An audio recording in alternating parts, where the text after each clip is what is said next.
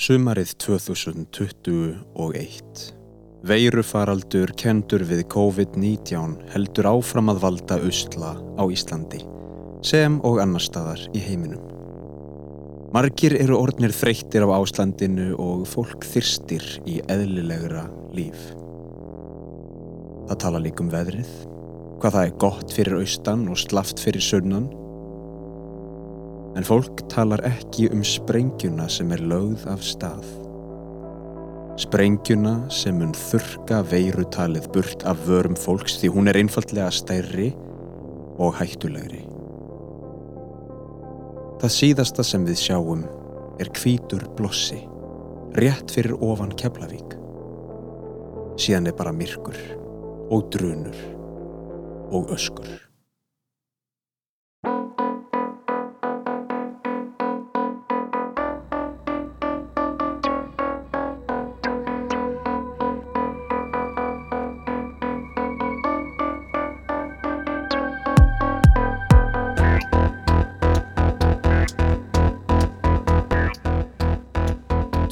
Verið velkomin í þennan fymta þátt af hlaðverfinu Heimsendir. Hinga til minn er komin góður gestur eh, Gunnar Smári Jóhannesson, leikari og við ætlum að ræða þriðju heimstýröldina.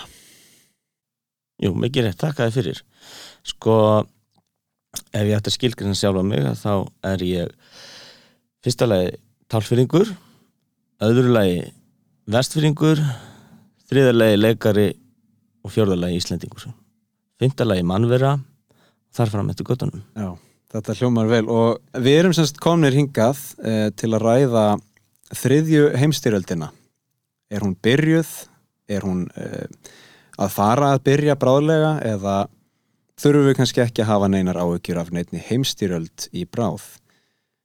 Hvað, hvað er það fyrsta sem þið dettur í hug þegar þú heyrir þetta hugtak, þetta orð þriðja heimstýröldin? Hvað hugsa maður? Fyrsta sem mér dettur í hug.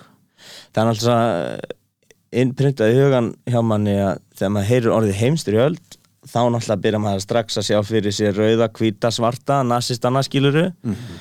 Það er eitthvað sem allir hafa heyrt um. Maður, það er mjög fáir, eða ekkert mjög fáir en svona hlutvarslega miklu færri búin að kynna sér til dæmis fyrstu heimstyrjölduna.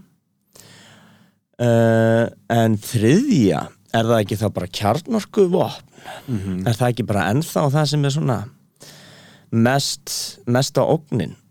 Jú, það er náttúrulega búið að vera í marga ára tugi stóra ógnin og Já, þetta er, þetta er sko ég veit ekki ég, mér finnst rosalega gaman að þessu tímabilið sko, kaldastrýst tímabilið svona stríð en samt ekki stríð vissulega var náttúrulega rosalega mikið að stríðum út um allan heim í kaldastriðinu það voru bara ekki stóru aðalarnir sem voru að taka þátt í því Nei. ekki beint, þeir voru bara svona stjórna litlu ríkjónum, já býtti, er þetta kapitalisti er þetta kommunisti, hérna, og drefum eitthvað einræðisherra í Ekvador svo hann verði kapitalisti eða drefum eitthvað þannig í Vietnam eða Afganistan. Þannig að voru alltaf svona það var svona brúðustríð fyrir stóru heimsveldin. Mm og, og ég hef alltaf hugsað svona til dæmis sem er að horfa okkar svona eh, bíómyndir eða eða að lesa einhverja greinar frá þessum tíma all all þessu ógn, þessi ósunnilega ógn.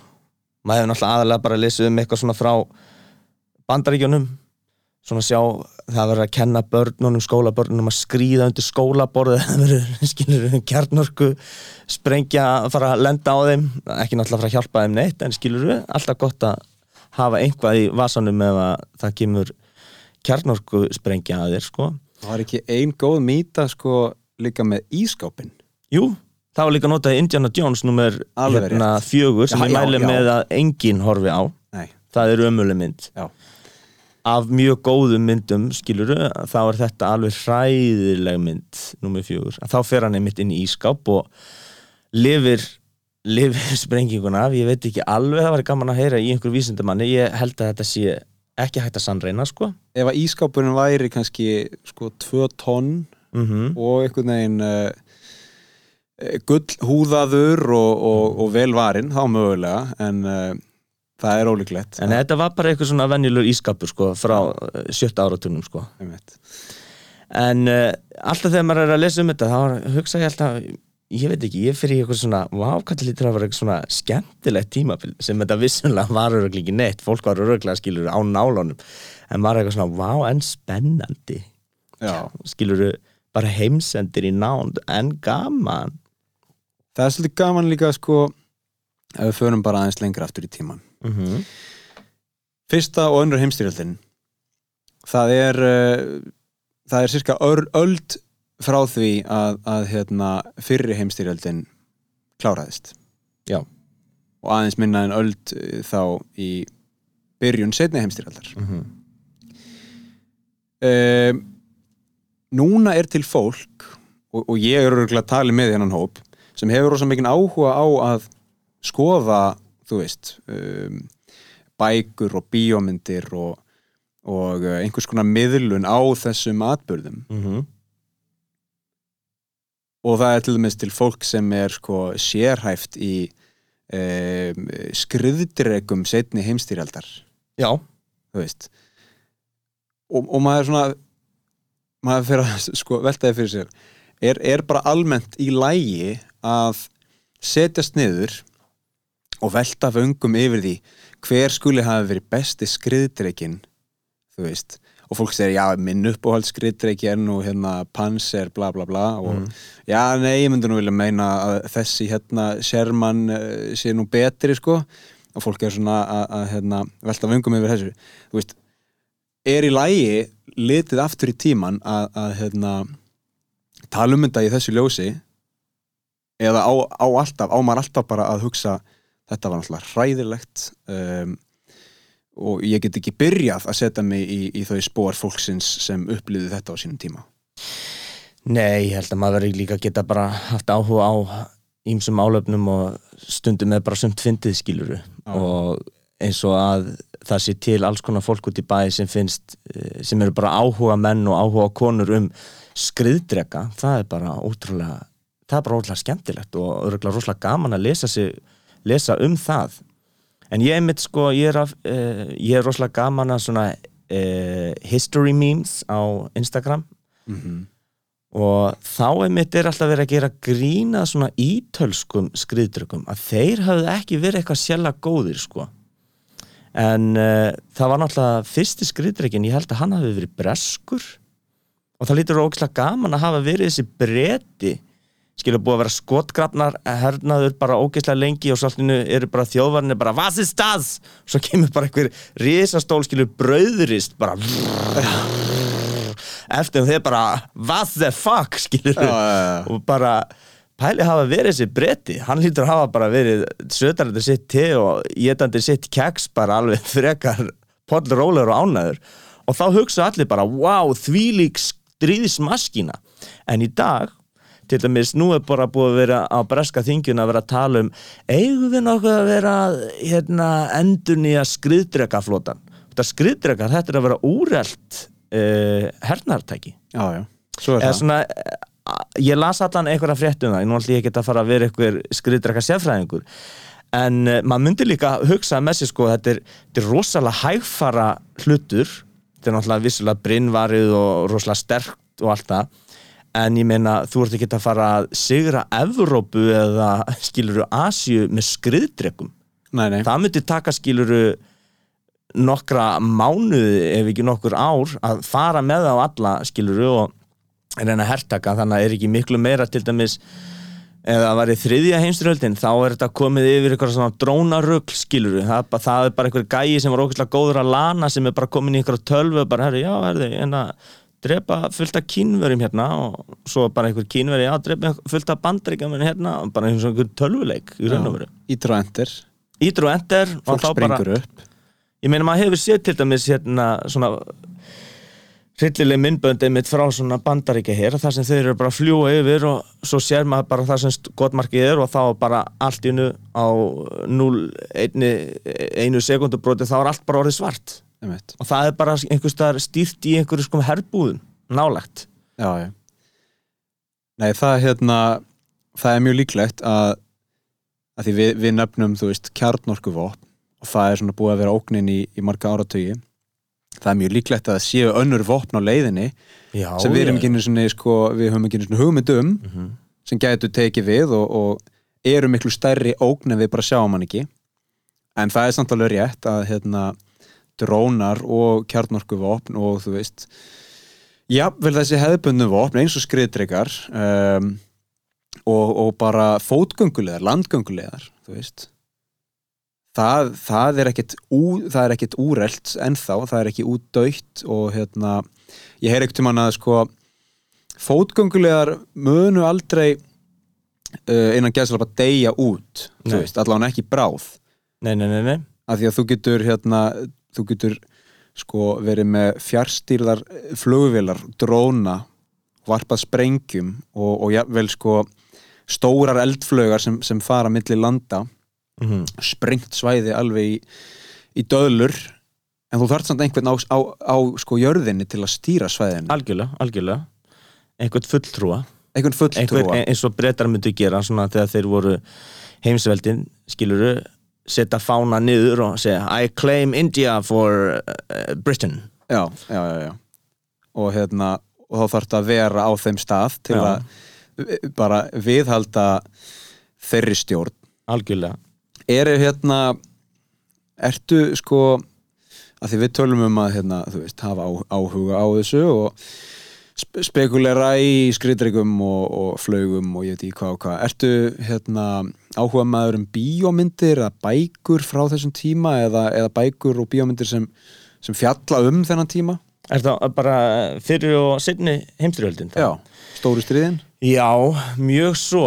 Uh, mjög mikið uh, náttúrulega til dæmis eins og við erum að tala um Indiana Jones til dæmis þriðja myndin þegar hann saminast pappa sínum þá eru þeir að berjast við nasista sem náttúrulega uh, tala svolítið inn í starfsumhverfi Indiana Jones, hann er náttúrulega hérna, fordlega fræðingur og nasistar ætluðu náttúrulega að uh, taka alla frægustu fordmunni Evrópu og búa til sapn og þá náttúrulega voru þeir að stela alls konar dóti sem Indiana Jones mislíkaði og uh, svo hef ég náttúrulega bara líka rosalega mikinn áhuga á heimildamyndum um þetta.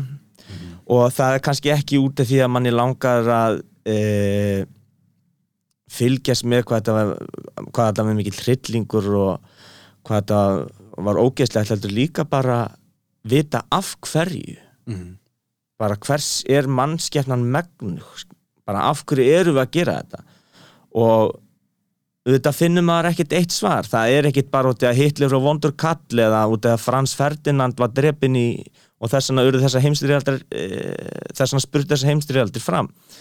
Þetta er endalus keðjuverkun skiluru af pólitískum ákvörðunum og landamærum og átökum millir alls konar þjóða sem leiðir svo til þess að eitthvað svona slíkt gerist og ég meina vissulega er hægt að segja jú það verður þriðja heimstyrjöldin eftir svona marga áratíu út af þessu og þessu og þessu en það er náttúrulega bara einhverja spekulasjónir við vitum ekkert hvenar eða hvort að munu verða þriðja heimstyrjöldin hvort að sé skiluru núna eftir 10 eða 20 ári eða skiluru eftir 100 eða 200 ár. Uh, en jú það er bara svo gaman að fræðast eða gaman, það er bara svo áhugavert að fræðast um þetta mæli eindrið með til dæmis uh, World War II in Color. Það er á Netflix. Og þá er svolítið ítalega farið bara yfir uh, bara söguna, hægt og rólega. Eins og margir halda hérna Þískaland nazismans hafi verið bara eitthvað superpower skilur bara fullt af bara einhvern köllum sem vissi nákvæmlega hvað það er að gera. En eina sem þetta var, þetta var bara rosalega spontant eins og hvernig þeir náðu að herrtaka Frakland þetta var bara mikið að hérna, heimskulegum ákvörðunum hjá franska hernum sem var til þess að e, þeir náðu Fraklandi svona fljótt. Og þá svona, og maður fæði bara svona rosalega góða sín á þetta. Og náttúrulega myndefnið er rosalegt. Mhm. náttúrulega búið að betrumbæta myndefnið, búið að lita leðrétta þetta og maður fær líka fræðast rosalega mikið um hvað var að gerast í Asíu sem við kannski Evrópubúar erum ekkit mikið að spá í kannski. Mm en ég menn það var alveg jafn mikill hryllingur þar. Já, já, já, ef ekki meiri. Ef ekki meiri sko. Það er náttúrulega sko það er áhugast líka að hugsa um um sko fyrri og setni heimstyrjöldina samanborið við stríðin sem komu þar áður. Mhm.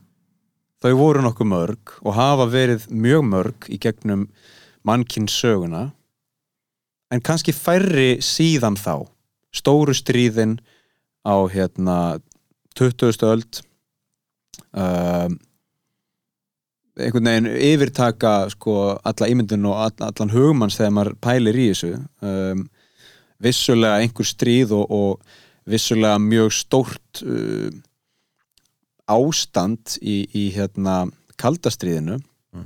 þó að hafa kannski ekki komið til jafn um, stórvægilegra átaka eins og í, í, í fyrirstríðunum en maður veltiði fyrir sér, þú veist, er þetta erum við svona farin að gleyma erum við farin að gleyma hvað stríð er og þegar ég segi við þá á ég náttúrulega við sko okkur á Íslandi um, að því að vissulega geysar stríð annars staðar í heiminum Mhm. akkurat núna en, en þú veist að við séum að hérna, velta þessu svona fyrir okkur og, og þú veist, mæta í skriðdryggaklubbin og, og bera saman bækur og e, þú veist, allur okkar hérna, allt okkar aðgengi að þessu er í gegnum heimildamindir á Netflix, þú veist, og sögubækur.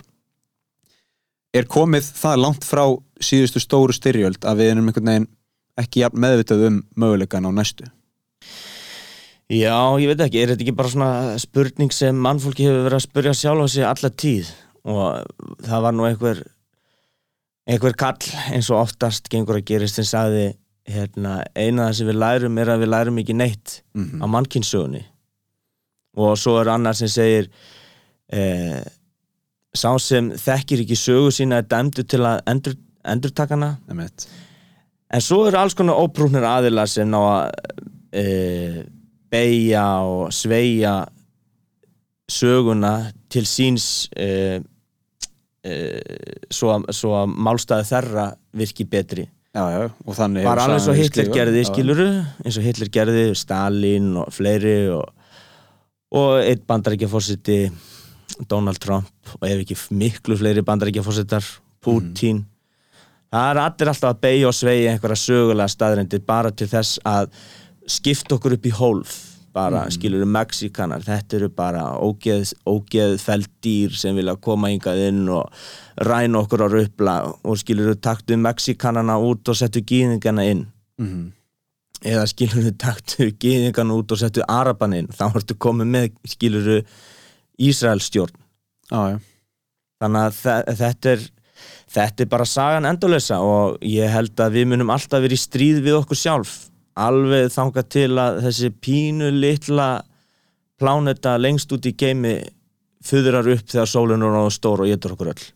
Við munum alltaf vilja drepa hvort annað. Já, og líklega miklu fyrr. Já, já, já. Við munum alveg sjá til þess að torti með þessari jörðu löngu áður en sólinn gerir það sko. Já, já. Já, við, nema við hérna, eins, og, eins og áður hefur verið rætt í þessum þætti getum af okkur gerfigrind sem eh, tekur í taumana og uh, afstýrir uh, okkar eigin falli með því jafnvel að, að hérna, já, gera, okkur, gera okkur að þrælum tækninar sem við erum jafnvel orðin nú þegar Já, það væri nú svolítið áhugavert Ertu að meina þá svona Space Odyssey 2001 eftir Stanley Kubrick Já, bara já. HAL, Já, bara já. tekur við þess vegna, þú veist um, einhver, já það er náttúrulega hefur verið talað um að okkar síðasta uppfinning verður um, gerfigrind sem er megnum að sko ekki bara vera gáfaðir en við heldur að verða uh, margfalt gáfaðir en við getum ímyndað, ímyndað okkur. Með slíka gerfgrind munum við aldrei þurfa að, að finna upp neitt aftur af því að hún mun gera það. Mm. hvort sem við byggjum hann um það eða ekki Já, ég meina til dæmis ég mann þegar ég út af núna erum við kannski að fara út af veginn um að tala um heimstriöld og erum að tala um gerfugreind en ég meina helst þetta ekki allt í hendur. Ég og ég meina eins og, eins, og, eins og bara hnattrann hlínun skiluru margir segja að það mun vera endalok um, mannskeppnunar en ég held að við munum hnattrann hlínun mun koma skilur og mun aukast og aukast og svo verður bara allt um seint og skilur það verður bara þurrkar og flóðbylgjur og hitast að hækka og lækka og fólksflutningar og þá byrjar eflust eitthvað alls konar stríð út um allan heim sem svo mun munum við eflust bara tortim okkur sjálfum. En talað um svona gerfugreind út í þetta er svo ég veit ekki, ég er náttúrulega ekki mjög tæknivættur maður en ég man eftir að einu sinni var ég að keira í Þorskafyrðinum og fyrir þá sem vita það ekki það er það staðsett á sunnanverðum vestfjörðum og það er nú ekki mikið símasamband þar nettenging, hvað þá skiluru árið e, 2002 þegar, þegar þessu umdelta saga, umtalaða saga sem ég er að fara að segja núna á sér stað þá var ég að keira í bíl með stóra bróðum mínum og hann var með svona Nokia síma og hann segið við mig ímyndaðu Gunnar eftir svona 10-20 ár þá getur þú bara verið að horfa á mynd í símanuðinu og ég man ég hugsaði með mér tjöfillir bróðum minn klikkaði maður. Og ég meina hvað er að gera þetta maður getur downloadað einhverju stöfi skiluru svo að maður bara vinnur mann sem keira og mann er ekkert að tala á hann maður bara glápa á einhverja skiluru World War II in color skiluru á Netflix og, og svo, en maður pælir ekkert í því. Mm. maður pælir ekkert í því hvað þetta skrítið. Ekkert frekar að maður pældi í því skilur hvað var skrítið uh, þegar koronaveiran skall á skiluru mm -hmm. út af að við erum svo fljóta aðla okkur. Það er málið. Að málið er bara að við tökum öllu bara já já, herðu, gýðingar eru bara vondir. Ok, drefum þau. Ok, það er náttúrulega hérna... Þa, þetta, bara, þetta helst allt í hendur. Út af við í okkar barnslegu einlægni skiluru hvað við erum uh, háþróð dýrategund langflottasta dýrategund á jörðinni að þá erum við svo einföld að það bara, við vöknum einn daginn og þá eru skóareldar í Kaliforníu og skilur við alltaf brenna allstaðar í Gríklandi og Ástralíu og ég veit ekki hvað og hvað. Og það er allir bara bóri nefa þessi bara, já ok, okay já, þetta er bara svona. Já. eins og, eins og ekkert eins og, eins og þetta sé eins og hafa aldrei þróast til neins. Eins og maður vakni bara og þetta sé bara svona. Þetta er einhver sko, þetta er okkar svona versti og besti kostur á sama tíma. Aðlögunarhæfni. Aðlögunarhæfni, nákvæmlega. Þetta er það sem gerir okkur hérna, já, þetta er það sem gerði okkur kleift að, að bara setja stað á Íslandi mm -hmm. veist, og, og hérna dreif okkur um alla plánetuna Guð, hvað, ég myndi ekki vilja vera Íslandíkur skiluru bara 1930 Nei, nei, nei. Þú var bara að frjósa í hel skiluru ekki einu svona komin vestubæja sundlaugin eða breiðhólslaugin Ljósin eru slögt Því er bara alltaf kallt Nýju mánuða ári eru ljósin slögt Það voru ekki eins og til smokkar, fólk var bara með klamiti út um allan bæ og ég veit ekki hvað. Já sko, þú átt, þú átt heima í Torfbæ mm. og þú ferð út að pissa af því að þú ert ekki búin áttaði á því hvernig hérna hvernig þú kemur fráreinslinu til að virka já, já. og þú, það er stormur, það er blindbilur og uh, þú, þú gengur 12 metra frá húsinu mm. og þú týnist af því að það er svarta myrkur Já. og þú, þannig, þannig er þinn döðdægi mm -hmm. þú fóst aðeins of langt út Já. til að pissa veist, þetta ég meina til dæmis taktu það voru, hérna, var það ekki bara seinasta, neða náttúrulega náttúrulega fyrir COVID eða eitthvað að þá voru asískir ferðamenn sem voru að leita að hérna, asíst par. Mm -hmm. man ekki frá hvaða landuðu voru. Voru að leita að uh, flugvölinni á þarna uh, svarta sandinu, sólheimasandi. Mm -hmm. þau viltust að leið, ekkert símasamband. Þau bara þvílík þoka þau týna hvort öðru. Svo, finn, svo, svo finna björgunarsveitafólki finna líkin af, af þessu asíska pari og þau eru ekkert langt frá hvort öðru Nei, nei, nei, nei, þetta hefur gerst bara í bara áratögi ár, ár hundruð sko og það, er bara því hvað við erum háð tekninu og líka bara hvað við erum búin að skapa þægilegt umhverju að lifa skilur við Já, já, já við tölum um aðlögnarhefni en svo er það náttúrulega samvinnan og, og mm -hmm. hérna geta okkar til að skipta liði og, og skipta verkum á milli og mm -hmm. vinna saman í hóp. Það gerir okkur kleift að einmitt, búa á þessu hérna, indistlega landi sem er samt um, mjög hljóstrugt og mhm. erfitt. Um, Magnaði við sem eitt ríkasta land í heimi.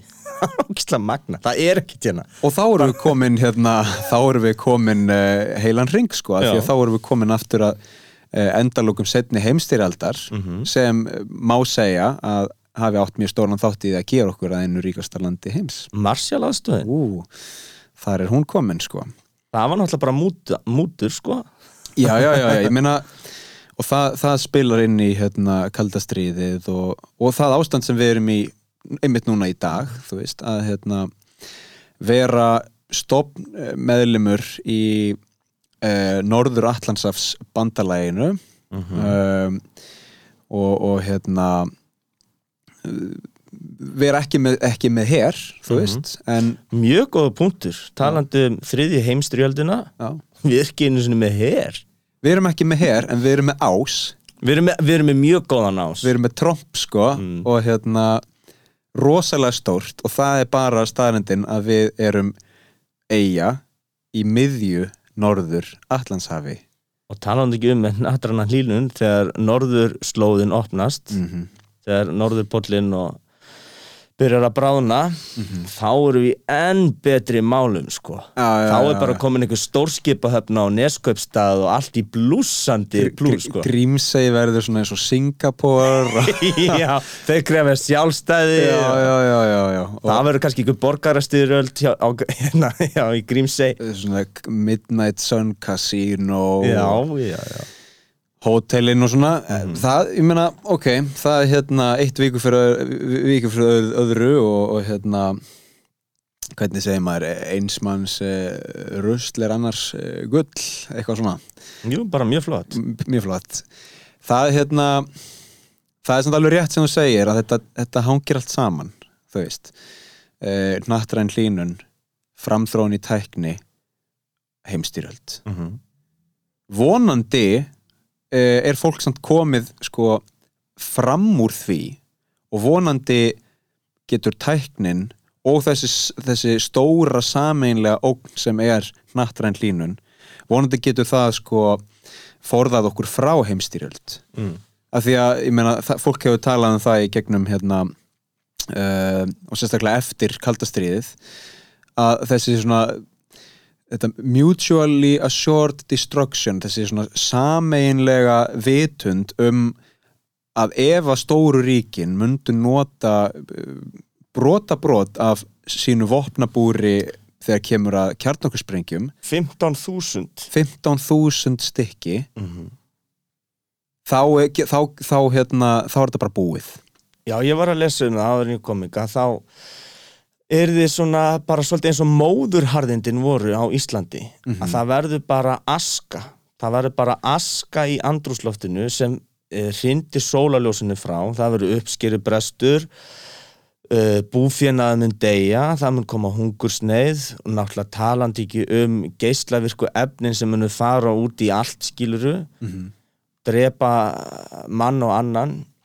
Ég meina það mun bara þannig að það kannski mun ekki allir deyja við sprenginguna sjálfa en þessi næstu fjögur ár eftir á sem er bara að það var í 50 eða 100 kjarnorku sprengjum varpað einhver staðar í heiminum það myndi bara uh, gjör, gjör eigða bara allir svona búfjörnað og lambúnað og leiða að sig bara hungursneið og bara vósbúð skilur já, já. og fólk bara deyr út, út frá því það hefur verið sagt að nema, nema í Grímsey. Það verður eitthvað svona nokkri sem ná að lifa þar og byggja upp heiminn aftur. Já, já, já. Nýja, et, nýja, hérna, Nýja e- Eden. Eden. það hefur ekkert tíma verið sagt að, að sko þriðja heimstyrjöldin verður háð eða sko það, já, svo heimstyrjöld verður háð með einhver, einhvers konar vopnum sem við kannski vitum ekki hversu nýstárleg verða en uh, heimstyrjöldin þar á eftir verður líklega háð með uh, uh, steinum og, og hérna priggum já, já, já, þá eru bara aftur komin á byrjunarreit sko. Já, það geti verið og þess vegna þess vegna þurfum við í raun og veru út af því við megum ekki náttúrulega gleyma, af þú spurður um bíómyndir við megum ekki gleyma geðveiku útvarsleikúsi sem síðan var að gera svona uh, ekki það góð Hollywood bíómynd eftir með Tom Cruise Einmitt. War of the Worlds. Einmitt. þriðja, sko, við getum líka tekið það inn, sko, að það verður sko veraldarstríð. Það verður bara geimvörur sem eru að koma. Þá kannski loksin saminast mannfólki og hugsar við erum að drepa einhvern annan en okkur sjálf! Já, það væri geggja sko. Drepa einhverja græna verur sem komu kannski fyrst í friði höfðu aldrei heyrt um stríð aldrei drepa einhvern annan á sinni plánutu komið til okkar eins og okkur skiluru e, þetta er bara eins og nágrannin góði nágrannin sem bankar upp á skiluru hjá alkoholistanum og meðvirka konunni eða eitthvað álíka. Og það er bara að vera að berja og drepa hvern annan og, og bara, hú, hvað minn álmatur hvað hva plánutu er þetta maður? Þetta er jörðin okkar sko, jarðarbandalagið, þú veist Já, öll, jarðar bandalega öll lönd heims sameinast gegn uh, gemverunum Nema Sviss, nema Sviss. Sviss verður svona ah, Ég Já, já. veit ekki alveg, ég held ég treyst alveg hann jafn mikið og ykkur mannfólkinu. Sendir eitthvað hérna, rosalega öflugan diplomata frá Genf í Já. svona lítilli eggskutlu Já. út, út, í, út í hérna game Mhm. til að hitta uh, leiðtóga gemverana Já, og, og fe- fer færandi hendi með osta og, og, og góð vín og svona. En sko það, ef við höldum aðs áfram með Sviss út af hvað, þetta eru þetta er ítalar þjóðverjar og frakkar í einu ríki, Sviss, það er náttúrulega tölu franska, ítalska og þíska Já. þessi ríki hafa verið svolítið ríkjandi í Evrópu að vera svona já, ógislega fyndið að þú blanda þeim öllu saman þá ertu komið með friða sinna. Fullkomið jafnvægi. Fullkomið jafnvægi sko. Þau eru með hérna nógu mikið af neðanjarðarbyrgjum mm. til að hýsa sko alla í landinu og rúmlega það. Ertu að djóka? ég er ekki að grínast. Þau allan voru með það á einhvern tjónpunkti í hérna uh, kaldastriðinu uh, síðan þá he hefur þeim eitthvað fækkað og, og ég held að þú getur núna farið sko og gist í fimm stjörnu neðan ég er að bunker í Sviss. Þú með sánu og, og hérna eitthvað svona. Um, Ég þarf að fá mér sænsk Nei, hérna uh, Svisneska kæristu já, já, já, já, ég held að alveg það, það væri rosa gott. Og, og sko, svo má ekki gleyma því að hérna, ég held að allir uh, stór hluti svistnesku þjóðarinnar sko hafi gengið í herin og, og sé svona einhvers konar hérna varaliði, veist um, sem myndi þurfa að verja landið um, nema hvað þau eru þá öll í neðanjarðarbyrgjum þannig að það kannski fara ekki að verja mikið. Greið, Það er greinlega kannski svona dreigið Herðu, þú fær að fara niður í neðanjabryggið Sorry, þú þarfst að fara í herin. Þetta er svona skipt í tvent Nei, ég held sko ég held að það, það, sem, það, sem- er áhugavert við að skoða þriða heimstyrjöldina mm. er að þú getur farið rosalega langt fram í tíman og skoða tækni þróun og skoða sko gerfigreind og uh, uh, gerfi netti þú veist, verður þriðja heimstyrjöldin háð um, umhverfis jörðina frekar en á jörðinni Ah, góður punktur. Eða að þú horfir aftur í tíman erum við að tala um að rússar og, og hérna, bandaríkin og fleiri lönd fara dusta rikið af um, kaldastriðsvopnagemslunum mm. uh, þurfa að skoða aftur hérna, skriðdrega hernað Já.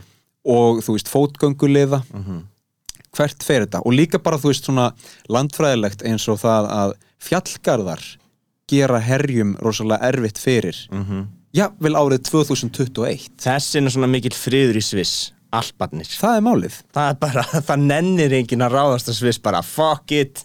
Herðu, það er eitthvað eitthvað ko- komist við það að svissneskur ostur sé gödóttur og öll fjöllin séu gödótt af neðanjarðarbyrgjum. Já, það er mjög góða punktur. Og það eru fleiri, ég meina Kákasusfjöllin og, og hérna, fleiri stórir fjallgarðar og Himalaya fjöllin og allt eitthvað svona, þú veist sem eru náttúrulega varnir. En ef við, ef við skoðum aðeins samt sko um, hvað gæti komið í veg fyrir þriðju heimstyrjöldina mm. Nú eru ýmsar hugmyndir uppi um, um hérna, ágæti kapitalismans og það er kannski umræðefni sem við geymum fyrir annan þátt en gæti verið að sko fólk hugsi já, ég, ég kann nú ekki við það sem þessi nágrann þjóð er að gera Mm. uh, mér væri sko ég, ég hefði kannski ekkert að móti því að hérna, íta bara á einn rauðan takka og, og afmá þessa ógn og þenn, þennan hérna þennan óvinn burt frá uh, mínu landi. En það er smá næs að stunda viðskipti við viðkomandi þjóð.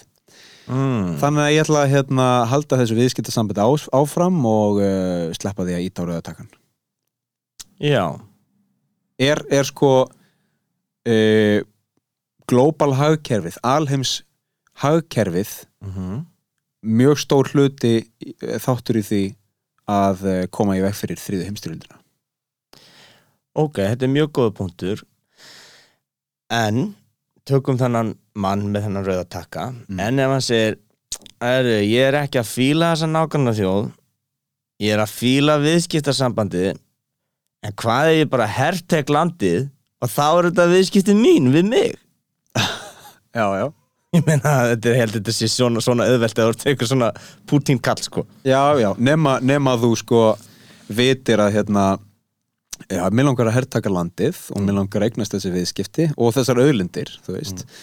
Enn og aftur, 2021 og við erum samt að tala um sko uh, hráar auðlindir, þú veist bara jarðgas og, og hérna uh, málma og, og ólí og ég veit ekki hvað hvað það er ennþá mjög mikilvægt því miður að einhverju leiti en, en hérna ef að þessi maður myndi segja já, ég, gæti nú eignast þetta og hitt en, en ég veit að þessi óvinna þjóð myndi nú senda nokkrar eldflugar hingað mm. og, og hérna, þá myndi ég þurfa að fórna þessari borg og, og líklega þess, þess, þessu hérna eh, military base, þessu hérna, þessari herstöð Nei, ég ætla bara að halda viðskiptasambandinu gangandi.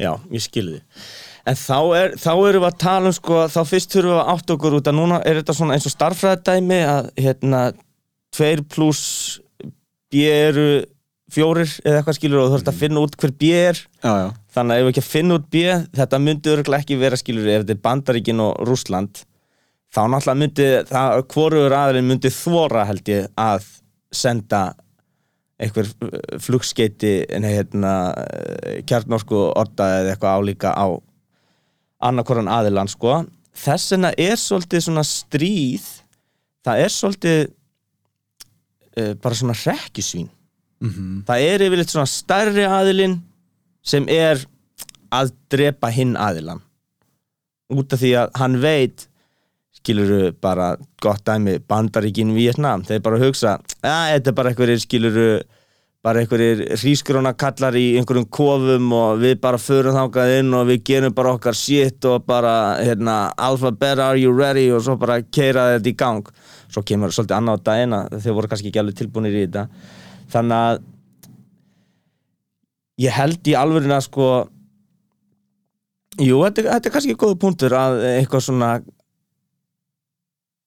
uh, svona alþjóðlegt efna, alþjóðlegi efnahagurinn sé að halda fólki góðum og, og ekki bara beint sko, ekki bara þú veist ef við tökum dæmið frá hérna kaldastriðinu, mm -hmm. Rússland og Bandaríkin Mm -hmm. af því að þú veist bein viðskipti milli þessara landa nú þekki ég það bara ekki en ég held ekki drosalega mikil heldur frekar sko óbein viðskipti það er að segja Mm. þú veist hverjar eru viðskipta þjóðir Rússlands Mhm. hverjar eru viðskipta þjóðir Bandaríkjana og hvar koma þessar sko þessir þriðju aðilar saman já, já, já, já. og, og bara þú veist hvernig ég meina svo er komið nýr leikmaður, skiluru, bara stór leikmaður í, í hérna hennu góða austri sem heitir Oh. Kína og er Blessaða bara, Kína þú veist, og svo er alltaf spurningin er Kína orðið stærra hagkerfi en Bandaríkin uh, já, það fer nú eftir hvernig þú lítur á Já. það það er eitthvað svona en, en ég menna Japan var annað stærsta hagkerfi heims uh, þangað til bara fyrir nokkrum árum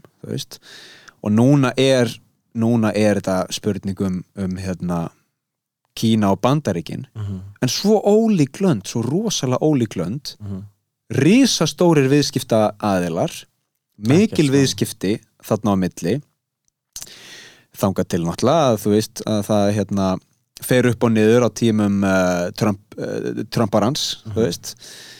En einhverja síður mikið af vörum sem flæðir á milli og ekki bara þessara tveggja landa heldur óbein viðskipti að því að saman eru þessi tvö lönd líklega með sko mjög stóran hluta af alheims viðskiptunum, bara öllum Já. viðskiptum. Algjörlega. Og ég held skilur að það sem eh, það sem hindra eða, hvernig ætti ég að orða þetta? Það hættulegasta við þetta að það séu svona tveir risastóri pólar Bandaríkin hins vegar og svo Kína hins vegar er þegar hinn aðilinn vill ekki skilja hinn. Mm bara ok, nú búum við í vestrænu ríki og við vitum miklu, miklu meir um bandaríkin heldur en nokkuð tíman Kína. -hmm. og þá er rosalega auðvelt fyrir okkur sem fæðumst hérna á Íslandi að segja bara, já, já, þetta eru bara einhverju kommunistar og hérna, þeir brjóta mannréttindi og þau hérna gera hitt og þetta og þau eru að þvinga og, og hérna þegnana sína í að gera hitt og þau mega bara eignast eitt barn og þau eru svona á hins einn og við veitum ekkert um Kína. Ég veit ekkert um Kína Nei, ég veit bara núl um Kína og þá er rosalega auðvelt að af personu væða heil, skilur, hvað búa margir í Kína? Hvað var þetta? 1 miljardur? 2 miljardar? einn og hálfur miljardur Já, núna er ég bara búin að skilur, af pe- personu gera er það orð? Er það ekki rétt hjá mér? Af personu gera? Já, bara, Bara jú, af bara- gera. Við Heila til núna bara 1,5 miljard og ég veit ekki um það og það er rosalega hættur og ég til dæmis held að þú það er kannski í rauðustu Ameríku bara einhverja redneck skilur í Mississippi. Þeim, fyrir þeim er þetta bara skilur það má bara flá og drepa þetta fólk sko, eftir hvernig Trump er búin að tala um þetta. Já, já, rasismi Um er, bara virkilega raunverulegur þarna og það verður alltaf ok okkar bara tilvist að bara, herðu hann er með eitthvað skreitinu augu þessi svo er þetta bara sko, já, ég meina, svo er þetta bara fáfræði og, og þegar, öll, þegar allt, allt kemur til alls. Miskilningur getur, og, þú veist, orðið valdur að stríði. Og hvers sorglegt er það við, sko, mannkynið sem erum búin að, hérna sanna það að við getum aðlagast alls konar uh, aðstæðum og, og ástandi og við getum hérna lifað af og komist gegnum erfi, erfileika og við getum unnið saman og byggt, byggt upp samstarf í gegnum, þú veist, góðmennsku og, og, og velvild millikvort annars. Svo kannski heimstýröld sem verður út af einum miskilning mm ég meina það er alveg til dæmi um það í kaldastriðinu að að austanmegin að þá heldu þeir að fyrir vestan væru þeir að fara að senda kjarnorkusprengjur og þá voru þeir næstuði búin að íta á rauðatakkan bara svona, þetta var bara svona nokkra sekundur og svo var bara geðþótt að ákvörðin bara hversu eins, herðu, nei, þetta er öruglega bara þetta er öruglega bara falsalarm, þetta er falsalarm ekki vera, ekki vera að skjóta tilbaka svo kemur á daginn að þetta var bara falsalarm skilur Einmitt. bara eitthvað skilur brotið í tölvukerfin árið 1980 eða eitthvað eða radarinn var, ekki, var að lesa vittlaust að það var bara svona stutt frá því að bara hundruður miljóna manns hefði, skilur týnt lífi. Allt í köku. Já. Þannig að, eh, jú, miskilningum maður, það leiðir nú oft til einhvers verra, sko.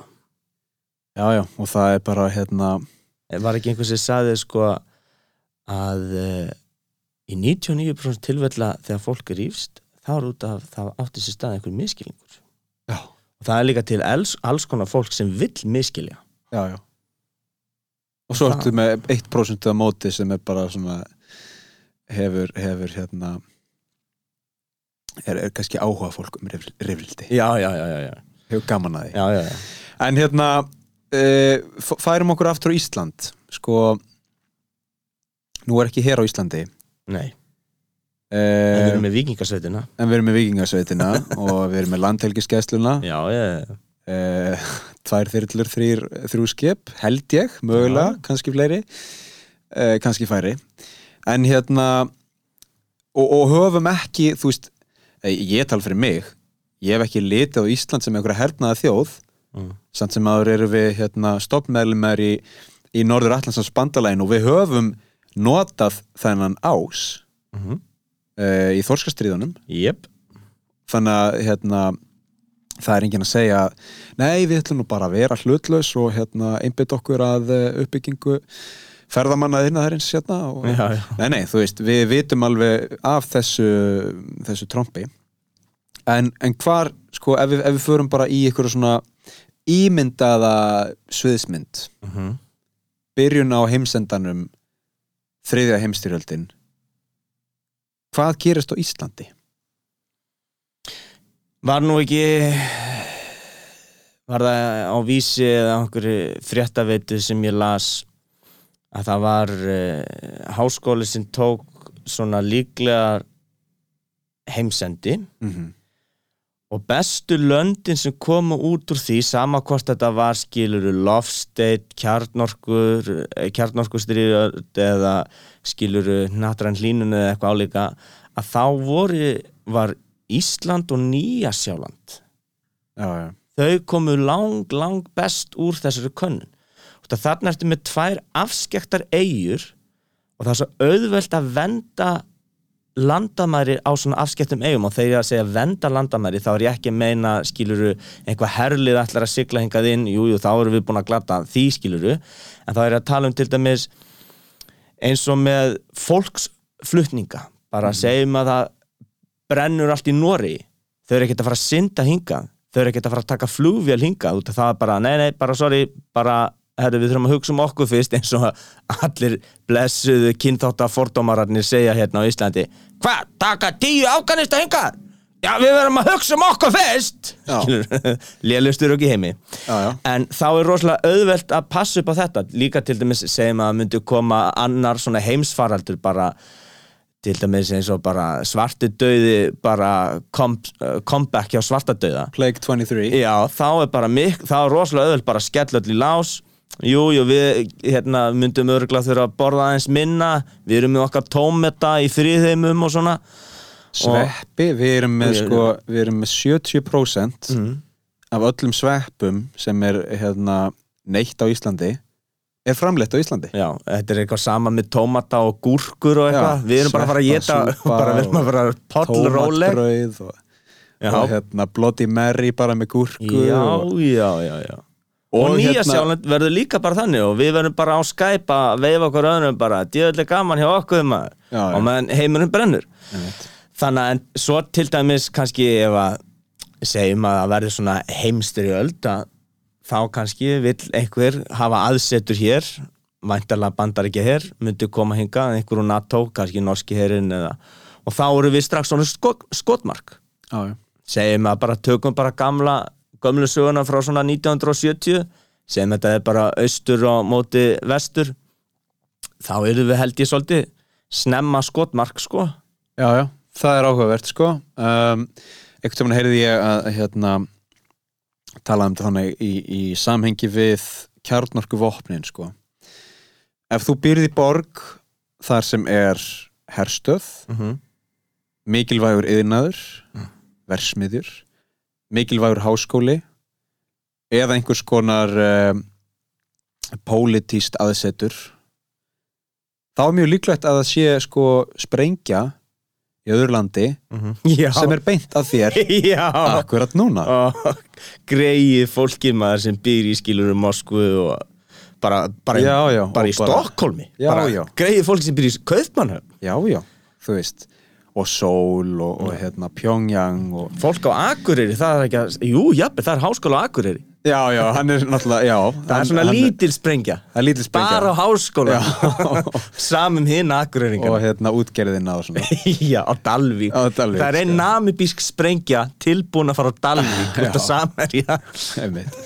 Nei, hérna það er samt áhugavert sko lí- líklega myndu hérna meina við erum kannski ekki það stórt skotmark með við, með við aðrar þjóðir og því, því miður fyrir þær og, og hérna hvernig sem lítur að það fyrir okkur. En það er áhugavert að ímynda sér þetta með landamærin og hvort að við getum lokað bara 1, 2 og 3, þú veist. Ég, ég, ég meina það er eitt stór flugullur hérna og e- það eru fleiri veist, meðal stórir flugvellir hérna en við hugsum alltaf um keflaugur flugvell já, og hérna einhver, einhverja nokkrar flugbrautir og mögulega væri hægt að loka því með því að hérna e, sprengja upp flugbrautina eða, eða taka hérna e, því að þá myndir náttúrulega ferðamanna hrinja bara eins og flugur og þá getur við nota allar þessar rútur, það eru örugglega til svona 5000 rútur á Íslandi þannig að við getum þá kannski hérna Tyrfingu Tyrfingsson og Reykjavík. Skörsjón og Greilæn og... bara, bara parkera þeim á flugbreytina Já. og hérna komið í veg fyrir uh, einhver myndi lenda hérna. Um, en á sama, sama hátt þá, þú veist, hugsa maður um COVID, skilur, og allir er að pæla í landamærunum og okkur svona. Mm. hver, þetta er alltaf spurningum sko, hver eru efnahagslegu ástæður þess að halda landamærunum opnum? Mm. og ekki bara efnahagslegar því að þú veist, ef að við myndum loka öllu þá hefðu við sveppina og tómatana og sauðfjö Heita og vatnið. hérna, heita vatnið og rafmagn, alveg Mm. rosalega mikið. Og hérna um, en við, það er ímislegt sem við hefðum ekki skilur Mhm. og þá þurftum við kannski að hérna, fara að skoða svona, endur, endur hugsa okkar líf. Mm um, ekki fleiri iPhone símar í byli Nei, það ert bara að vera með gamla góða. Já, já, það er Nokia. Allir, allir hérna, landteknískjæslan sem með 360.000 Nokia backup síma Alveg, ég held að sko hver einasta stopnun, ríkistofnun sé með auka svona Nokia backup síma já, já, já, Alveg bókað. Högg, högghelda og vasshelda Já, já, já, það er hægt að nota þetta líka bara sem bara morðvopn. Já, ef að, ef að það verður bara reynd að drepa Katrínu, jak, skilur þá er bara að kasta einum Nokia síma í innrásamannin. Já, já, já, já. Nei, hérna sko, önnur svona hypothetísk uh, svona ímynduð uh, sviðsmynd. Hvað myndir þú gera persónulega ef að við myndum fá núna SMS, bara almannavarnir. Almannavarnir bara eh, ekki COVID uh, innrás. Já, þetta er ekki grín, þetta er, hérna, þetta er ekki auðlýsing, þetta er ekki neitt. Hérna, þetta er bara raunverulegt uh, þið hafið klukktíma til að koma ykkur í við veitum ekki hvar, hvar hérna, uh, skotmarkið er en það er mjög líklegt að verði í miðbæ Reykjavík eða, eða þá Keflavík. Bara komið ykkur í skjól núna. Vá, ég var alveg svolítið spenntur. Ég var alveg til í þetta. Ég var bara fuck mission! Já Ég er náttúrulega á ekki bíl, persónulega. Ekki ég heldur. Það Þannig er að- ekki mál að lappa hérna út á hverfiskötu Berja eitthvað gæja í hausinn Og taka bílinas Það er gra- Grand Theft Auto 3 Já, já, ég minna bara Þá eru við loksins byrjað að tala um kapitalismans Kapitalisman, þá er það bara hver fyrir sig sko. Darwinisma. Nei, Já, bara ég, social darwinismi sko hvert myndur þú fara? Ég myndi fara að svipa á slóður og þú. Þú ert landegandi í Tálnafyrði Ég er landegandi í Patisriði Ég myndi bara bruna þanga og hitta alla mína fjölskyldu þar. Ég ætti, kannski ekki verið að segja frá því úti því að þá er kannski hægt að nota þetta gegn mér sko. Já, já, en við erum með skiluru við erum með þó nokkur hús þar við getum hýst svona, já, við erum kannski svona 30 mann sem gætu farið þanga ef ekki meiri uh, ferskvatt við erum með mikið ferskt vatn. Það er gömul turbína þarna sem er óvirk en við erum með rafvirkja í fjölskyldunni sem getur gert hann að virka, virka. Þá myndum við bara hérna, kötta á uh, rafmagnið frá orkubúi vestfjörða og nota okkar rafmagn. Já, uh, Sistir mömmu býr í Hænuvík sem er hliðin á Selladranesi sem ég myndi fara. Þar eru við með kannski 200 kindur, nokkra hænur við erum með árabát, við getum farið út í kvinna, í kvinnar þarna hjá hérna, lagseldinu fengið okkur lags þegar við viljum bláber og sömur, þetta verður bara veistla þeir eru með Björgin. Við erum með, bjö- já, já, afi minn hann, ég meina, hann fór þarna 500 metra niður í reypi að tína skiluru egg. Já. Hvað týndi maður, svartfugl egg eða eitthvað álíka? Var, var verið að vinna með hérna, að láta þau taka sig svona, aðeins að fá smá fúl, fúlegg Hefur ekki heyrt það? Sko, ég hef einhvern tímann heyrt Já. að hérna e, gamalt húsráð mm, ef þú vilt aðeins skerpa á ekkjanum mm, þá hérna setur þau í korfu setur þau svona undir kapisuna já, eða eldavélina Mm. þá, þá svona þá hi- hitna þau aðeins ok, fyrra úldna ok og hérna Akkur ætti ég að vilja það? Ég, það er góð spurning. Þetta var, þetta var hérna, bara, þetta var mjög góður matur og, og hérna, mikið lostæti á sínum tíma. Ég held ég muni bara halda mig við fersk eggin fersk, sko. fersk Já. ég skil, ekki fúlag nei, nei, það En þegar á reynir og allt er uppþurrað í matvælunum þá, jú, jú, ef ég finn eitt egg undir kamusunni, ég hef ekki heyrt þetta orð lengi eldavilinni þá myndi ég nú alveg geta það sko Nei, ég meina líka af því að maður hugsa sko, nú, nú er ég mikill kimchi eh, unnandi og, og hérna uh, ég ætla ekki að kalla mig kimchi gerðan meistara en ef það, ef það er einhver hérna, stofnun til dæmis í sögu kóru sem gefur út meistaragráðu á, eða meistaraprófa á kimchi þá hérna farið 6,5 þá væri ég kannski til að þú veist, já, fá þá diplómu en, en ég er svona að stútira svolítið hvernig maður uh, geymir matvæli, þú veist. Og ég, nefni björgin og eggin og, þú- og þú ert með það og þú getur nota það til að hérna, halda þér uppi frá kannski mæ til júli mm þá myndi maður að slátra nokkrum kindum í Hænuvík frista þau. Gefið Svo- Svo, rafmagn, já, að Já. turbínan sé virk já, þarna. túrbínan er virk, gefum okkur það við náum að laga túrbínuna. Það er náttúrulega líka rafmagn í Hænuvík já, já, sem þau með sitt eigi rafmagn þannig að við getum fikið rafmagn lána hjá þeim. Svo getum við gefa okkur það að það er rjúpa þarna, við erum með byssur. Þá getum við fengið einhverja rjúpu sko, það er náttúrulega engin einhver umhverfisráð þarf að fara að banna okkur að skjóta rjúpur í þriðju heimstyrjöldinni, þannig að við bara nei. gera sem við viljum. En pössum samt að drepa ekki stopnin, skiluru á þessum slóðu bara viðhalda. Svo náttúrulega er það bara það sem Íslendingar hafa verið að gera í gegnum aldinar, bara fiskurinn. Já, já, já endalaust að fiski í matinn og Hang, lang, láta hann hanga og, láta hann hanga, sjóðan. Já, já, en maður finnur, ég get borðað hákall ef við veiðum hákall, ég get alveg látið þá af hann í mig. Já, já, það þarf að grafa hann. Það er að grafa hann, þannig að ég held sko að þetta er svolítið mitt og út af því að vestfyrðir er í svo mikill alfara leið að það verður held ég til dæmis það myndu koma rússar eða bandaríkjamenn eða eitthvað þeir eru svolítið leiðilegi við landan hérna ég heldur væri ekkert mikið að spá í fólkinu þannig fyrir vestan nei, nei, þeir nei, myndu kannski setja upp eina herstu þarna hjá Ísafyrði Mhm. og það er sko ófært á Ísafyrði á vetuna já, já, þannig heldur myndu bara láta okkur á sunnanverðu vestfyrum alveg í friði sko. já. en þá var ég ekki trættur að skjóta þann Íslending sem ætlaði að koma á jörðina mína og byggja mig um eitthvað leifi bara, herðu hérna tumi litli svonu minn tumi litli svonu minn, hann er ekki búin að borða aldrei til ég þól ekki að horfa á eitthvað svona bíómyndir um svona heimsendi og það er eitthvað svona auðmíkja, svona allir svo auðmíkja góðir. Já. Ég myndi bara hugsa, erðu, sorry, við erum öll að fara að deyja einhver tíman, þú ert að fara að deyja núna, kallið mig, þú komst á jörðina mína. Skiptir engu máli hver þetta er, skilur Ef þetta er bara Guðni Fossit og hann er bara einhver maður út í bæ, bara út af því að hann er ekki Fossit lengur, ég er bara, Guðni, ég kaus þig, en sorry, drullaður í burtu. já. darfinismi Já, já. nei, það, ég meina, þetta er, þetta er á, áhugaverð hérna, sviðsmynd, sko.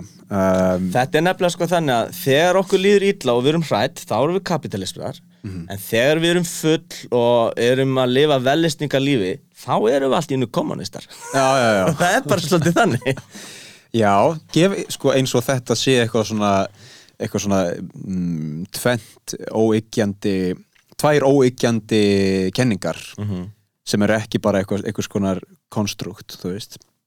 En þær er allan við líði núna að einhverju leiti og, og hérna, ég meina að þú veist, kapitalismin, skilur, hann, það er bara margt gott og margt slæmt, þú veist. Já, já. Við, hérna, kannski grófum ekki mikið dýbra en það í byli en, en ég hef gaman að því að skoða svona sviðsmyndir eins og, eins og þetta og þú veist að hérna, hlaup út í bíl og hvert myndum að keira og, og það er gaman að en það að er líka heyra svo gaman. Ég, það er svo- það, það, út af því að þetta er bara þetta er svo mikið mission, þú ert bara með mission. Ég þarf að finna bíl og ég þarf að keira eitthvað og ég held að fólki líður svolítið vel í þessu ástandi og svo kemur náttúrulega áfallastaritur röskun þegar maður er komin í safe houseið skilur, maður er komin á örugan stað þá bara, fokk, ég kýldi eitthvað gæja og drapan á hverfiskutunni til að stela bílnum hans Já. þá byrjar maður að hugsa eitthvað svona eftir sjá og eitthvað svona Einmitt. en þegar maður er í augnablikinu þá bara gef, gefur maður ekki skít í náungan sko. Þetta er líka hérna, kemur aftur að sko og mér er alveg sama hvað hlustandi er að hlusta núna og þykist vera eitthvað móður Teresa. Já, ég myndi nú ekki vera að skjóta eitthvað sem myndi koma á landi mitt. Herðu, þetta er bara sem svo sama spurningin og þetta er bara góð spurning. Aha, gætur þú drepið mann? Já, já, sko, þetta er ekki spurning gætir, þetta er heldur spurning hvort þú munt vera í þeirri aðstöðu í lífunu Stefán og ég virkilega vona að þú muntir ekki munt lendi í þeirri aðstöðu að þurfa að drepa mig en einhvern annan. En þú munt drepa mig ef þess reynir sko. Já, þú Og myndir þe- ekki hika við það. Einmitt.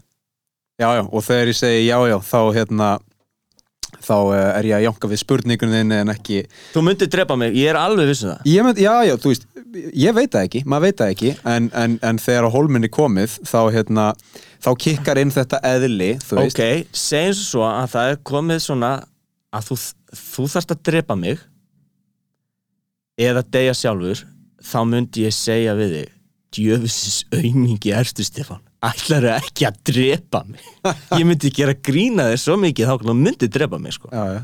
Það, maður hefur nú séð slíka atriði. þess vegna held ég að ég sé góður svona fjallgöngugarpur til dæmis eins og heit, hvað heitir aftur myndin hana Touching the Void þegar gæinn hjekk þarna Já. og vinur hans þurfti að skera á bandið og hann fjalli eitthvað að hundra metra niður Aaaaah! þá þú vilt hafa mig hangandi og þegar ég myndi bara hlæja og gera grína þér þá svo- myndi drepa Svo mig. dó hann ekki. Svo dó hann þetta ekki sko. Og kom tilbaka á. djöfisins tökku var í honum. Já, já, já. hann mun lifa þriði hinstyrjöldin af. Ég er alveg vissin það. Og er örgulega nú þegar upp í svisnesku ölpunum, sko. já, já, já, þetta hafði hang, ekki hangir enn. En svona, svo við hérna, komum því að af því að við erum nú að hérna, tala um þetta í svona uh, uh, já, við erum að ímynda okkur aðstæður sem eru samt raunverulegar akkurat núna þegar við erum að taka þetta upp það er að segja, það ríkir stríð annars staðar í heiminum Mhm. um, og við- bara við getum bara nefnt það það er bara hérna óerðar ástand í, í Afganistan um, því miður. því miður og, og þar er fólk að keira einhvert Mhm. og að reyna að komast um borð í flugvél einhvert, einhvert annar staðar en hér Mhm. og það er hérna það er náttúrulega fórréttindastað að geta verið hér uh, og ímyndað sér svona þegar aðrir glíma við raunverulegar aðstæður Mhm. En hérna, þá eru búin að, eru búin að nefna það allána, svo það sé nefnt. Um, við getum komið aftur hérna að, að þriðju heimstyrjöldinni. Sko, á, af hverju eru að ræða þetta? Af hverju eru að hug, hugsa um þriðju heimstyrjöldina? Það er nú aftur, hérna, komið aftur að, að bara inntækinu í þessu umræðu. Af því að það er sko, af því að þetta er orðið svo fjarlægt að við erum farin að bara uh, líta á þetta sem hobby fyrir sagfræði nörda Ég held að það svara svolítið spurningunni af hverju erum við að spá í þriði heimstyrjöldinni eða fyrstu eða annari eða komandi styrjöldum eða eitthvað álíka? Að þú segir einmitt eins og við erum búin að nefna að því miður að þá er ofennendur ástand þarna í Afganistan og m- mörgum stöðum í heiminum að fólk er að drepa fólk. Uh, við getum ekki ímyndað okkar ímyndað, ímyndað okkur þetta. Það er bara ekki hægt. Það er ekki hægt. Við getum sko, við getum búið til bíómyndir við getum búið til leikrit, við getum búið til sögur við getum lesið sögur eða hort á bíómyndir eða hort á leikrit og það er allt fram eftir göttunum til að reyna átt okkur á því hvernig það er að vera í þessum aðstæðum en við getum það ekki. Þess vegna eru eftir til svona miklu sagfræðinördar um heimstrialdir. Út af því að sko tökum það inn í reikningin að þú þarft að borða í dag, þú þarft að kúka, þú þarft að pissa þú þarft að sofa. Þau þurfa að gera þetta allt á meðan þeir eru að hlaupa eða keira eða klifur upp í flugvél eða uh, stela einhverjum bíl þau þurfa að gera þetta allt. Bara til þess að lifa af. Og þau þurfa að gera þetta kannski með mömmu sinni eða, eða sýstu sinni. Þau þurfa að horfa upp á einn og einn og fjölskyldinu deyja hægt og rólega. Og það sem ég þóli ekki er þegar alltaf verið að segja ákveður svona mikið að köllum sem eru innflytundur, ákveður tökum við ekki fleiri börn og konur, þá eru þetta börnin og konun að deyja á leiðinni það er það fucking sorglega við þetta. Mm.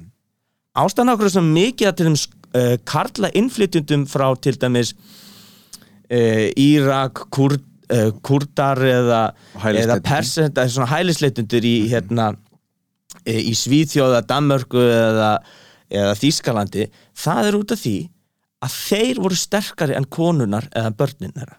Og þau þurftu að horfa upp á kannski mömmu sína deyja eða dóttu sína. Og við getum, við getum ekki ímynda okkur þetta.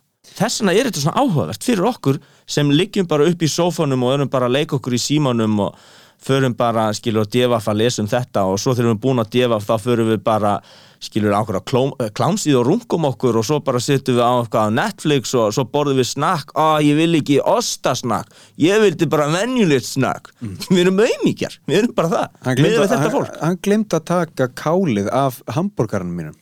Já, Þú veist, eitthvað svona rugl. Já, bara Hörðu, fyrir ekki að ég sagði ekkert kál hérna. Já, bara hvítingja vandamál. Já, já, og, og svo eru við alltaf skiluru að segja hvað, getur þetta fólk ekki að bara verið heima hjá sér?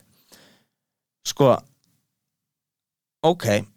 Okkur flyttur, Íslandikar til Noregs? Flytta til Noregs út af því að halda að vera verra líf þar? Nei, þeir flytta út af því að halda að vera betra líf okkur fer fólk til Svíþjóðara, Danmörkur og reynir að búa til líf þar en endar svo í fátæktargildru og endar svo að uh, selja dóp eða endar að fara í gengi? Það er út af það heldur virkilega að það muni eiga betra líf.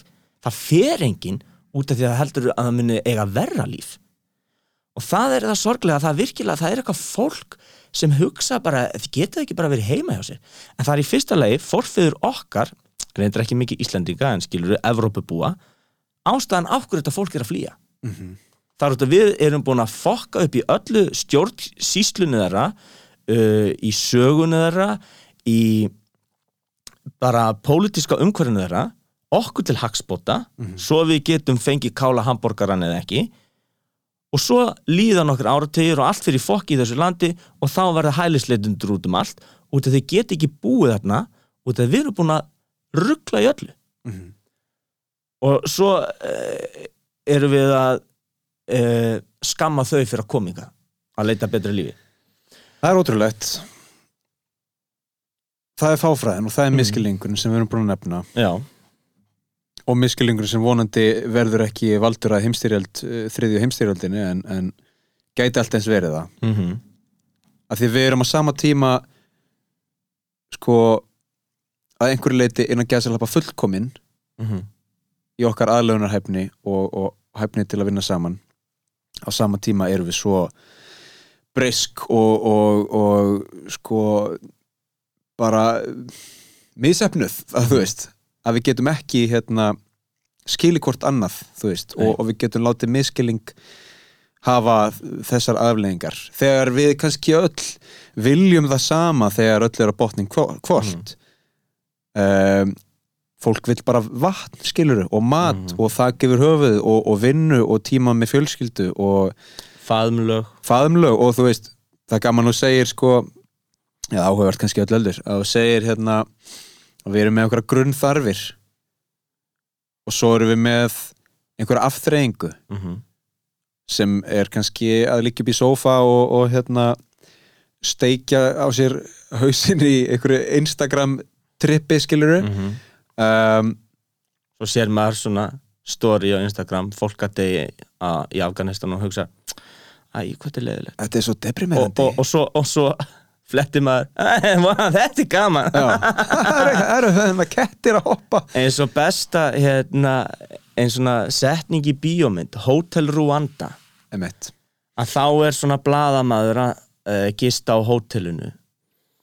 Og hann segir en nú mann ég ekki alveg orðið hvernig hann segir þetta, hann segir þetta ennsku, ég ætla að reyna að þýða þetta yfir íslensku, hann segir að fyrir fólkinu heima sem sér myndefni sem ég teku upp það kveikir á sjómarpinu yfir matnu sínum og segir æg hvað þetta er sorglegt. Svo skiptir það næstu stöð þetta er afþring fyrir okkur.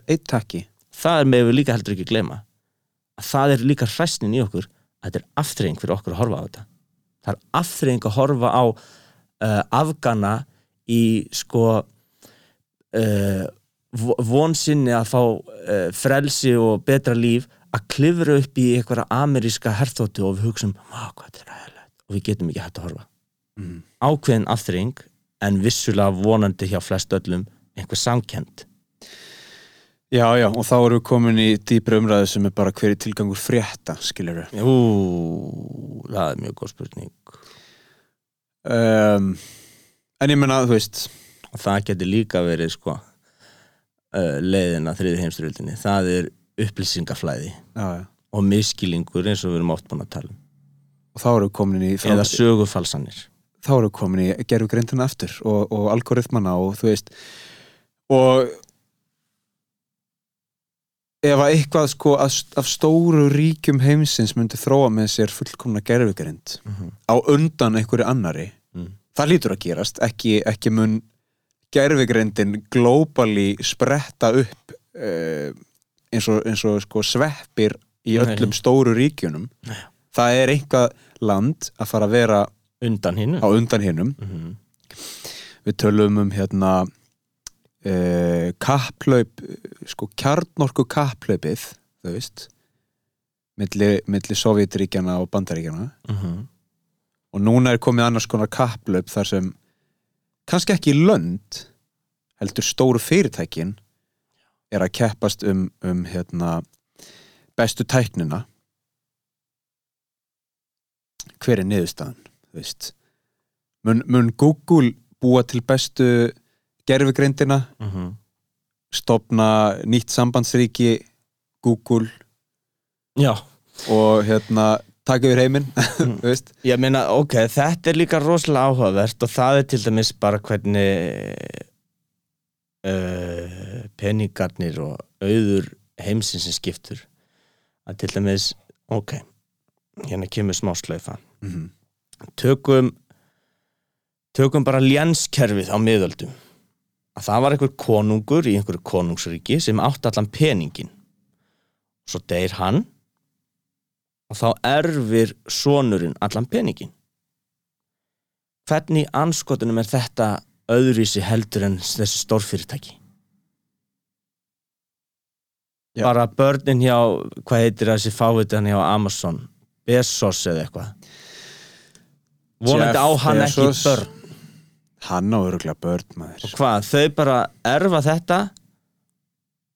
Og hvað gagnast ekkit samfélagin á neitt hátt samt? Þau erfa tunglstöðina hans sem, sem hann mun byggja á næstu tíu árum Nei, ég segi svona, ég meina auðvitað er það þannig og þetta er ekki hérna, þessi uppfinning er ekki frá hún, hún er ekki frá gerdeginum, skilur nei, nei, nei. hún er hérna miklu eldri en það.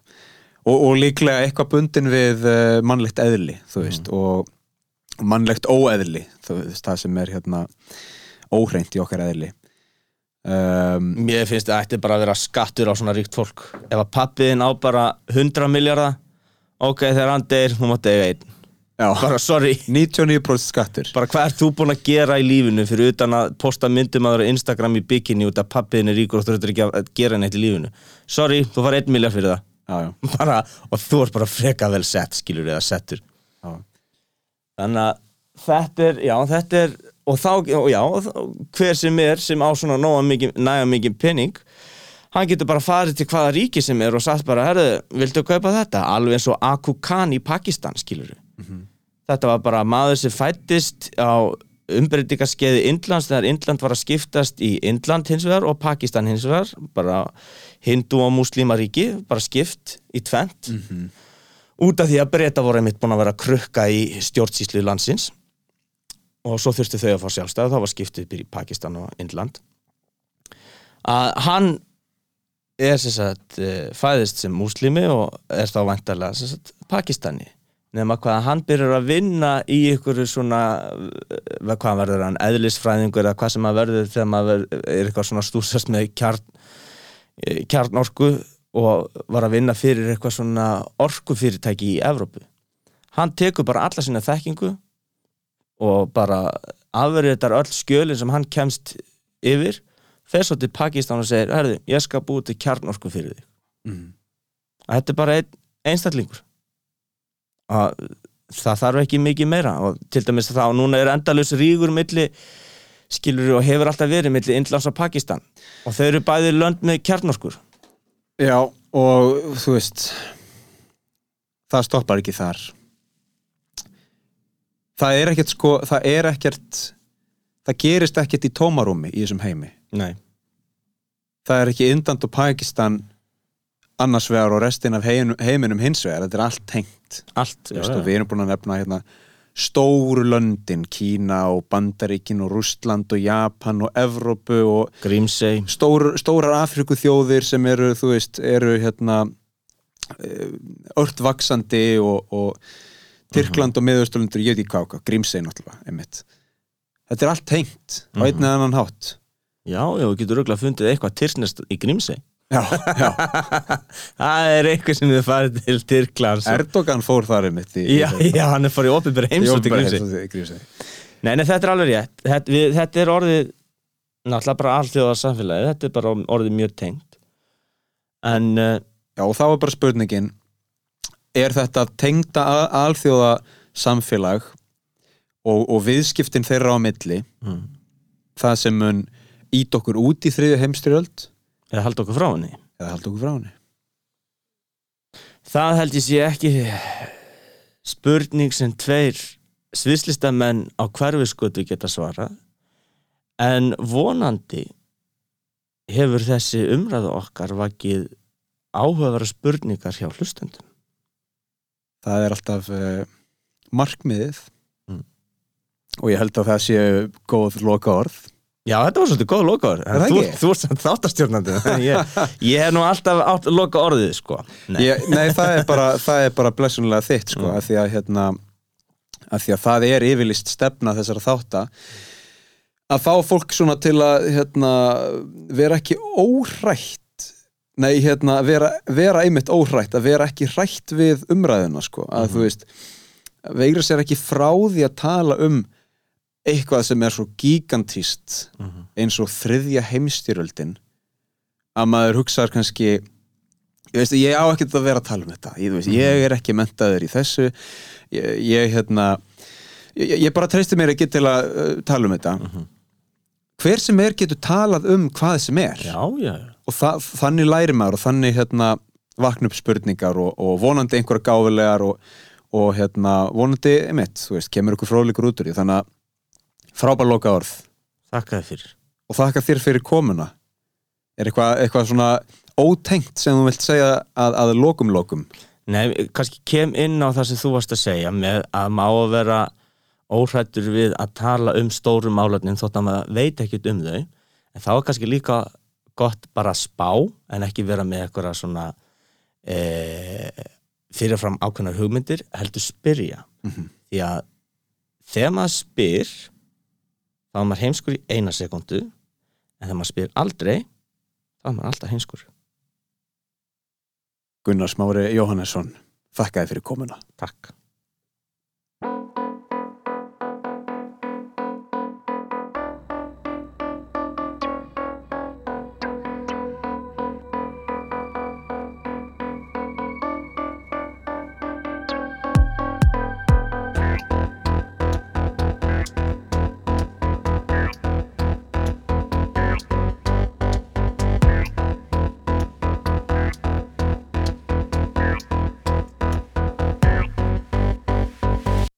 Kæru hlustendur, takk fyrir hlustunina.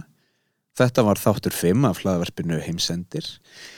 Og ef þið höfðu gaman af þá vil ég byggja ykkur að kíkja inn á helstu hlaðvarpsveitur Apple Podcasts Spotify og, og fleiri góðar.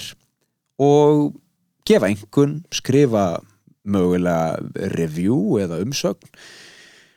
Og dreifa orðinu um, tala um heimsendi við fólkið ykkar og vini og fjölskyldur og, og hjálpa mér að, að koma um, þessum umræðum í ykkar eiru og víðar. Takk að nú aftur fyrir hlustunina og við sjáumst í næsta þætti.